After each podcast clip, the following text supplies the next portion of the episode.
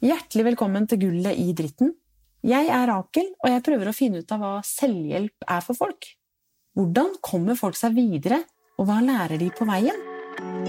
Så livet er jo en eh, berg-og-dal-bane uten Det er jo like. veldig Altså, fint da, å ha noen som eh, har eh, i hvert fall like ille, og kanskje litt verre Det viktigste tror jeg er å lytte og forstå og se andre For mennesker. noen ganger hjelper det bare å fortelle om hvordan man har det. Dele erfaringer Og så av og til så tror jeg ikke vi skjønner helt hvor stor betydning det, de små tinga gjør.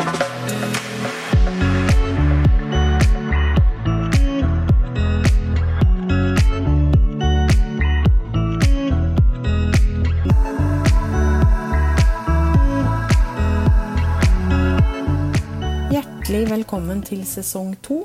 I dag skal vi snakke med Werner. Han er lege og tidligere helseminister.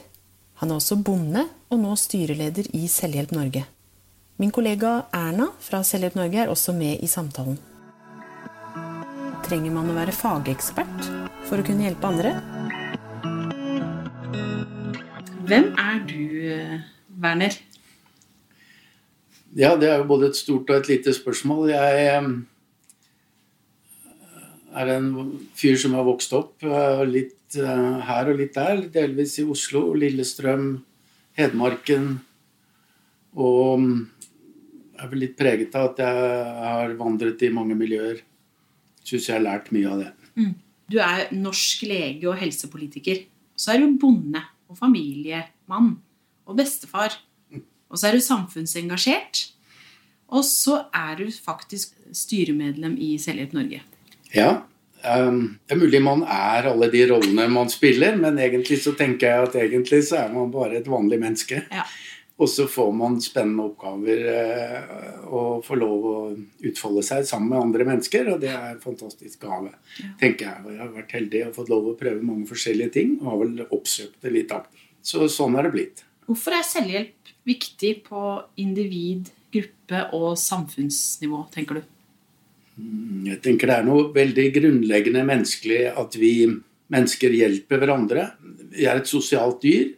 Jeg tenker ofte på og hvordan er vi blitt de vi er blitt. Vi oppsøker hverandre, vi blir glad i hverandre, og så eh, lager vi nye barn sammen og blander genene og egenskapene, og så går verden fremover. Fordi vi er glad i hverandre. Men det er jo bare begynnelsen. Så må vi ta vare på hverandre.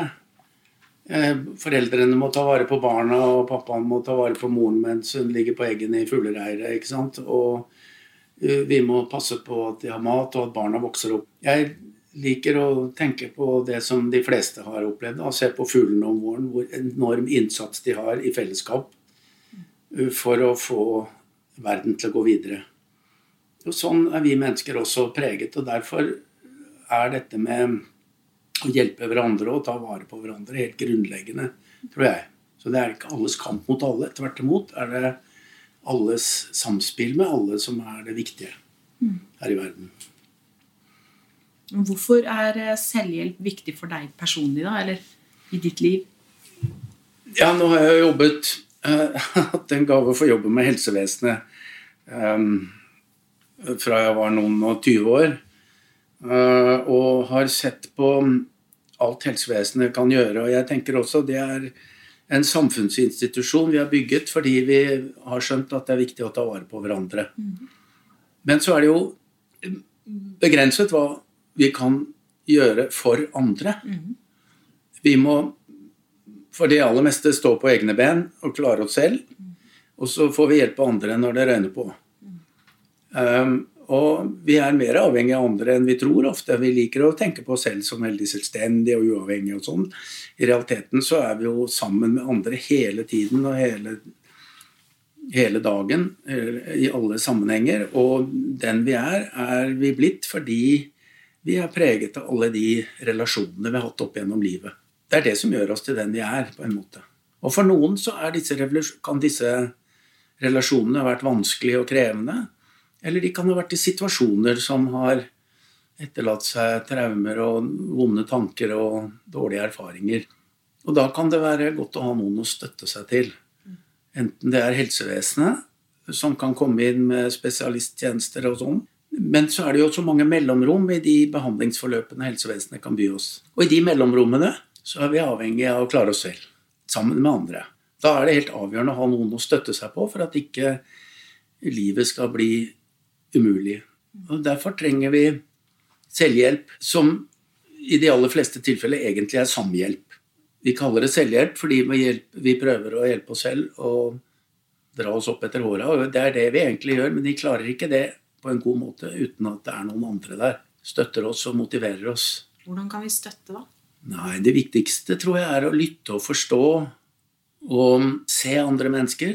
Bruke tid på å finne ut hvem de er, og hvorfor de føler og tenker som de gjør. Og tåle de? Tåle at de er der de er? Det er veldig viktig å respektere det vi erfarer. Vi bør ikke være enige, men vi må prøve å forstå og respektere at sånn er det blitt. Sånn er det for deg nå. Og vi begynner der. Det interessante er jo at man lærer mest av de som er mest forskjellige fra en selv. Og man lærer mest av de som har helt andre erfaringer enn de vi selv har. Ja. Det er de viktigste menneskene i livet vårt på en måte. Vi hjelper oss selv ved å hjelpe andre, og andre hjelper deg til å hjelpe deg selv. Sånn sett er selvhjelp både samhjelp og selvhjelp. Og det viser hvor avhengige hvor vi er egentlig av hverandre. Altså, Trygge fellesskap er kraftig undervurdert. Jeg har ofte tenkt på det i helsevesenet. Når jeg tenker tilbake på hva vi har holdt på med, så har vi vært veldig opptatt av å skaffe spesialkompetanse til alle spesielle tilfeller. Ja. Og vi har tenkt på at hvert individ har sine egne problemer som vi kan kategorisere i mange fine diagnoser og, og grupper. Ja. Og så utvikler vi spesialister for å hjelpe dem. Og så lager vi systemer og organisasjoner hvor folk eh, på en måte får en merkelapp. Og så sier vi du er en sånn pasient eller en sånn pasient eller jeg har et sånt problem eller et sånt problem. Og så glemmer vi at de egentlig er et menneske med en historie og en familie og en eh, ønsker og drømmer og visjoner. ikke sant? Det kommer i aller siste rekke, egentlig. For de aller fleste er jo egentlig det det viktigste. Eh, Så nå har helsevesenet etter hvert begynt å være opptatt av hva er viktig for deg, og ikke hvilken, bare hvilken diagnose du har. Um, og så har vi plutselig, etter å da ha fragmentert alle tjenestene og puttet folk i båser og endog gitt dem boliger hver for seg Vi har vært veldig opptatt av at folk skal klare seg selv og være selvstendige. Det som gir livet mening, er jo fellesskapene, ikke det å være selvstendig og ensom og alene. Eh, Og så er redd for at vi i helsevesenet dessverre i aller beste mening har um, vært litt for opptatt av at folk skal klare seg selv, og litt for lite opptatt av at folk skal hjelpe hverandre og ha gode fellesskap. Det har man gudskjelov begynt å skrive om i folkehelsemeldinger og sånn, men det er ganske nytt.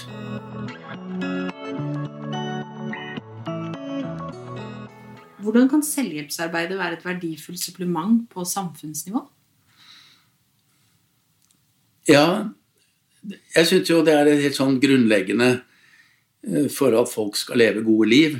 At de har gode fellesskap, et nettverk å ty til, folk å støtte seg til når det renner på. Folk som stiller opp for dem, som, som eh, de fleste har erfart at mødre og fedre kan gjøre, og dessverre noen har erfart at de ikke alltid gjør på en god måte. Eh, Så det er den typen fellesskap som gjør at vi, vi klarer oss her i verden, blir til den vi er, og lever gode liv, tror jeg. Og det, så det er det helt grunnleggende. Og der um, kan jo selvhjelp være et av de mange En selvhjelpsgruppe eller et selvhjelpsmiljø, et av de mange stedene uh, man finner det fellesskapet. Hvis man ikke har funnet det andre steder. Og så er det én ting til som dyrkes i selvhjelpsgrupper, som jeg tror er veldig verdifullt, og ofte litt forsømt i samfunnet, og det er den gode samtalen. Um, I selvhjelpsgruppene så har man noen veldig enkle spilleregler om at man skal lytte til hverandre, og respektere hverandre, og forsøke å forstå hverandre. Mens i veldig mange andre samtaler og debatter så dreier det seg om å presse sine egne meninger på andre. Og vi kaller det debatt, som egentlig er et fransk ord som betyr kamp og konflikt. Um, Så jeg er mye mer opptatt av de gode dialogene og de gode samtalene, som dreier seg mer om å lytte enn om å snakke. Ikke anta, og ikke, ikke komme med løsningen, eller ikke lytte personen helt ut, da. Mm. Jeg tenker, ja, lytting er veldig viktig, og Og gjerne en litt sånn aktiv lytting hvor man stør, som Sokrates alltid gjør. Hva mener du med det, og hva, hvorfor har det blitt sånn for deg at du tenker sånn? Og så hjelper man hverandre kanskje å forstå, selv den som blir lyttet til. Men jeg har også tenkt det at når du sitter i en samtale med et menneske som du føler du har tillit til, og som respekterer deg for den du er, uansett, og du setter, prøver å sette ord på dine egne tanker, så hender det ofte at du, du formulerer ting du ikke har tenkt på før. Så det er en, måte, en, en god samtale er også en måte å sette ord på tanker og følelser som man ikke får anledning til i en travel hverdag, og hvor man skal tilpasse seg roller og, og opptre sånn som folk forventer og alt sånt. Men i de rolige, stillferdige samtalene hvor det er tid til å lytte og tid til å være tause i fellesskap også, um, så kan tanker og følelser komme til overflaten som man ikke har tenkt på før. Og når man prøver å formulere ting man kjenner på, så blir det plutselig mye klarere for en. Så det er en form for selvhjelp. Å, å være i den gode samtalen med noen. Men det må jo være noen der og lytte til deg. Det er jo mange som opplever å ikke ha fått snakka ut. Det å ha en arena som bare er helt sånn blanke ark. Vi har så mange forventninger til hverandre, og vi tror vi vet på forhånd hva folk vil si. og um, Jeg har lest en forskningsrapport som sier at en gjennomsnittlig tid før legen avbryter pasienten, er 17 sekunder. Uh, og det går an, Jeg kjenner meg litt igjen i det. Legen skal ha svar på bestemte ting for å få Ja. avklart bestemte diagnoser. Uh, Det er uh, sikkert rasjonelt og velment, men det betyr jo at det pasienten har på hjertet, ikke kommer frem i sånne samtaler. Da må man ha en helt annen tilnærming. Så selv følte jeg av og til at den hvite legefrakken og stetoskopet på bordet var et hinder for den gode, tillitsfulle, likeverdige samtalen. Så derfor syns jeg også det er en gave å få lov å jobbe sammen med Selvhjelp Norge, hvor vi alle møter hverandre som på samme plan, for å, bare for å lytte. Og være den vi er, sammen. Og bli det vi kan bli, sammen, ikke minst. Du sa, Erna, det er dynamikk og muligheter i det spenningsfeltet mennesker imellom. Våge å stille deg gode spørsmål til hverandre òg, kanskje? Få Ja. hverandre til å tenke hakket videre. Det er riktig, men det er, det er ofte utrolig enkle spørsmål. Det, det handler vel egentlig om å være nysgjerrig på hverandre. Det handler om å være interessert i mennesker og glad i mennesker og være nysgjerrig på hverandre. Og det tror jeg de fleste mennesker har i seg. Men det er, veldig, det er ikke så ofte man får utløp for det, tror jeg. Nei, og så er det noe med det å tåle historien du får. Eh, og istedenfor å liksom være så kjapp med løsningen for Nei. deg, på en måte, men tåle det som kommer. Det tror jeg også er viktig. Det, det er fint at folk vil hjelpe hverandre, men, men det viktigste er nok da å være der. Som en, en kamerat med en lang sykehistorie så fint sa en gang 'Takk for ditt nærvær', sa han. Ehm, takk for ditt nærvær, for det var bedre enn den beste medisin. Det syns jeg var en veldig fin tanke. Ja. Det hører mange si, at det de ofte er redd for å vise ekte følelser fordi en da kan bli satt i båser. Da. Mm. Og det slipper en jo i de her fellesskapet. Så kan Mm. en vise følelser helt på Ja, ekte. satt i bås eller kanskje bli vendt ryggen til. Mm. For det er som du sier, det er ikke, det er ikke alle som får oppleve det med nærvær. Nei. Og det er vanskelig. Og det er sånn som du sa, Erna, det er lett å bli utrygg og redd for mange ting. Hvordan reagerer de andre? Så det er veldig mye snakk om å bygge tillit, vil jeg tro, før man kommer så langt. Men da er jo det du sier, veldig viktig, tror jeg. Det er jo følelsene som styrer oss mye mer enn fornuften, hvis vi tør å innrømme det. Det er iallfall det som eh, som gjør om vi har en god eller en dårlig dag. Det dreier seg kanskje først og fremst om følelser. Men det er så skummelt, da. Og så sette ord på de følelsene fordi at eh, han, han er en antakelse om at det forventes annerledes av oss. Ja. Apropos det her med Fugelli sa vi lever i et perfeksjons- og prestasjonstyranni der folk blir sjuke og ville være friske. Ja, det er et godt, godt paradoks. Det er betegnende for mye av tiden vi lever i, tror jeg. Det er så veldig mange ting vi skal innfri, for mange forventninger vi putter på oss selv. Ofte kommer det jo like mye innenfra som de kommer utenfra. Vi tror vi må være sånn og sånn. Og så låser vi oss i det. Så låser vi oss i det, og så tør vi ikke slippe våre egentlige følelser og tanker frem. De dagene de har dårlige dager, Mm. det er ingen som ser deg. Nei, Nei, for da, da, vil, da søker jeg ikke fellesskapet. nei, det tror man i hvert fall. Ja. Og så, og så har jeg òg hørt at det, fra folk som har gått i sjølhjelpsgrupper, de dagene du ikke har en god dag, så har du minst lyst til å møte opp på sjølhjelpsgruppa, men det er de dagene du er mest ute av det. Fordi du går ut, og så har du fått den her ventilasjonskanalen der, du har kjent på det gode fellesskapet, og så, og så går du ut, og så kjenner du på takknemlighet. ja. Tross alt. Det tror jeg er um, et veldig viktig poeng. Det, er- det jo det nærværet. Av og til så behøver man ikke engang si noe. Jeg har hørt eh, deprimerte mennesker si akkurat det du sier, at når jeg er helt nede, så er det så vanskelig å forholde seg til andre, og da vil jeg helt slippe, og jeg lukker døra. Men da Da gjør det ekstra godt når noen kommer og åpner døra og tar deg med ut. Og man behøver ikke nødvendigvis snakke om noen.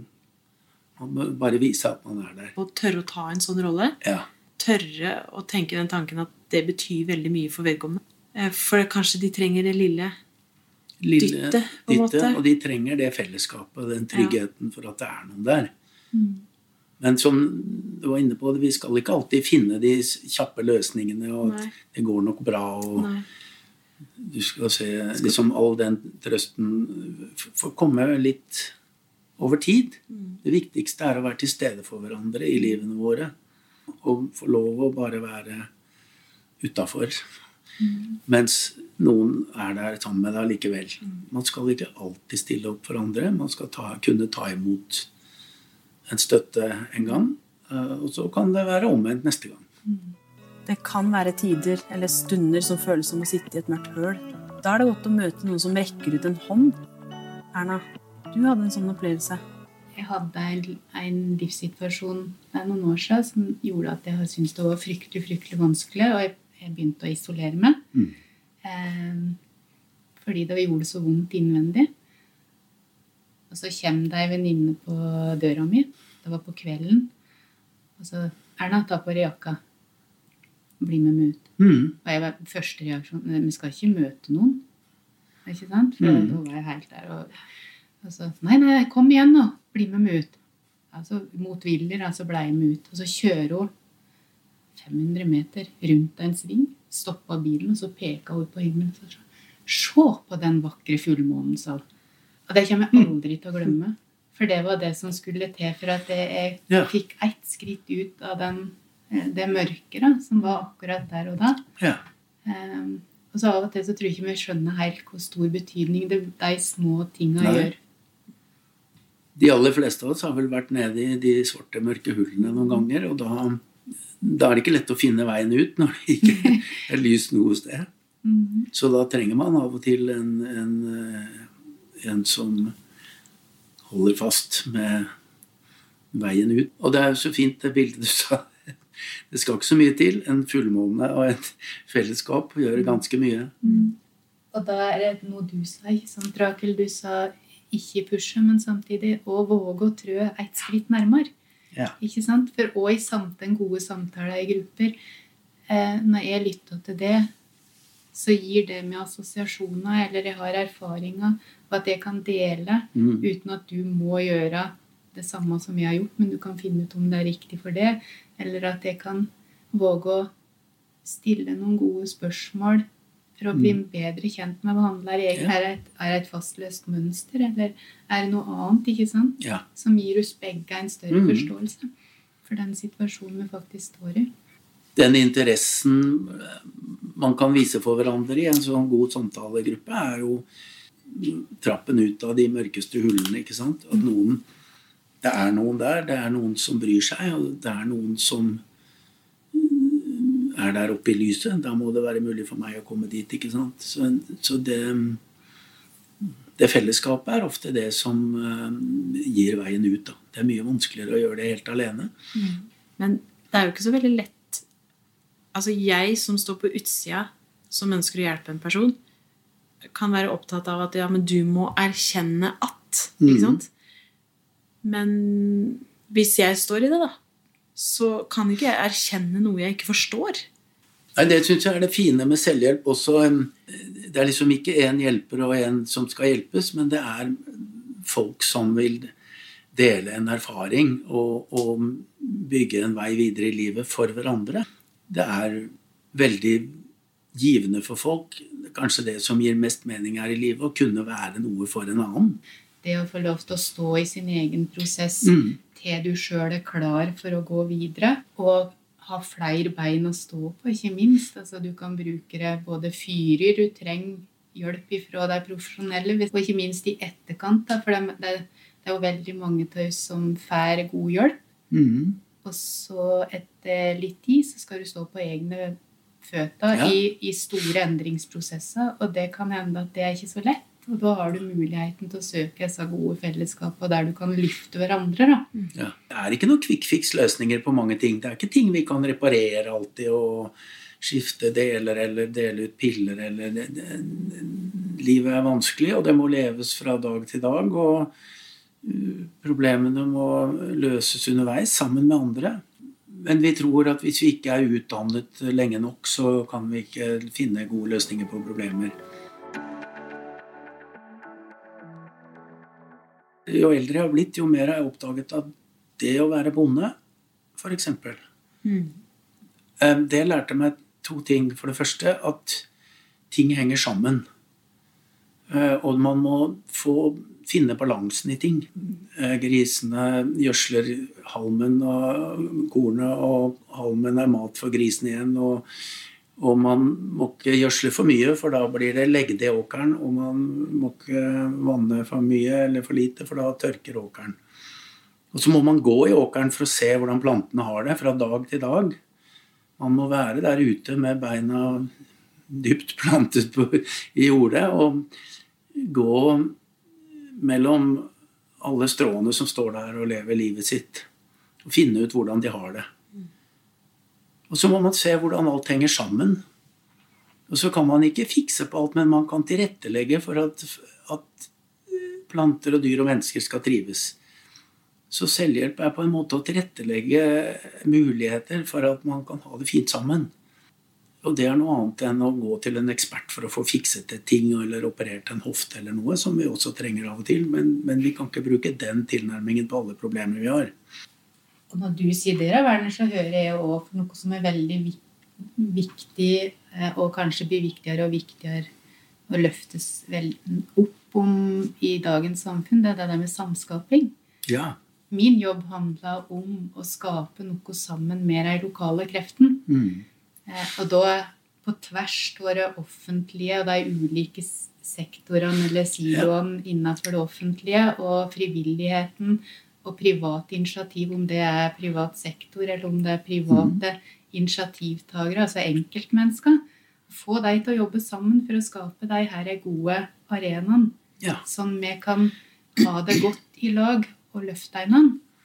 For å få det der helhetlige perspektivet på livsløpet vårt. Jeg tror det er veldig viktig det du sier nå, Erna. og det, det blir mer og mer av det, men vi har ikke så mange samfunnsinstitusjoner som er organisert sånn. Alle er organisert i det jeg liker å kalle avdelinger, for det er akkurat det de er. Det er avdelinger av helheten. Det er derfor det heter avdeling. Eller avdelinger. Men vi tenker ikke på at det er det det er. Vi tenker på at det er hele livet vårt nesten. Jeg jobber jo i den avdelingen, så de andre har ikke noe med meg å gjøre. Og jeg har ikke noe med dem å gjøre.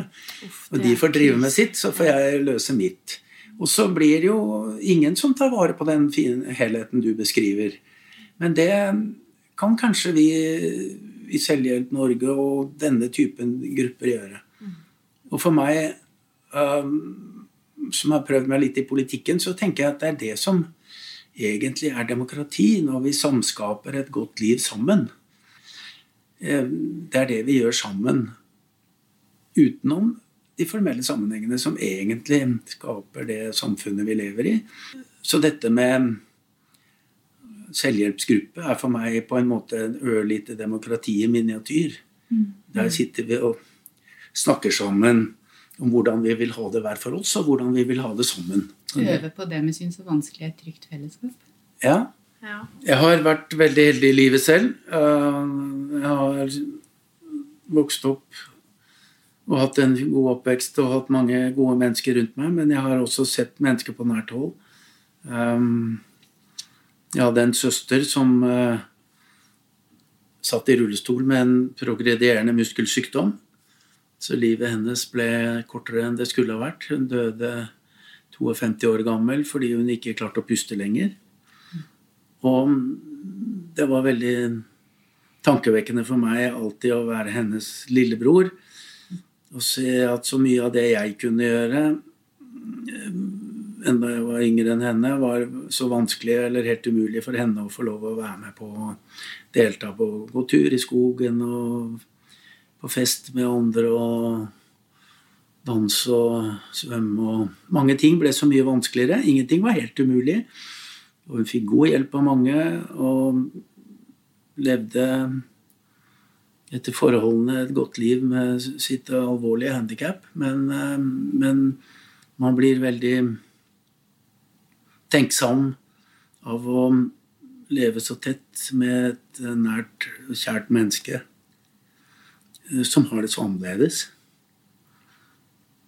Så jeg tror det, det har preget meg mye, og jeg har lært mye av henne. Eh, Jeg spurte henne ofte hvordan tenker du liksom om fremtiden, hvordan skal du klare deg og sånn. Og hun sa noe som jeg ofte har tenkt mye på. Jeg holder målene klare, Werner, sa hun. Jeg vet hva jeg helst vil. Og så tar jeg en dag om gangen. Og så må jeg bare se hvordan det går.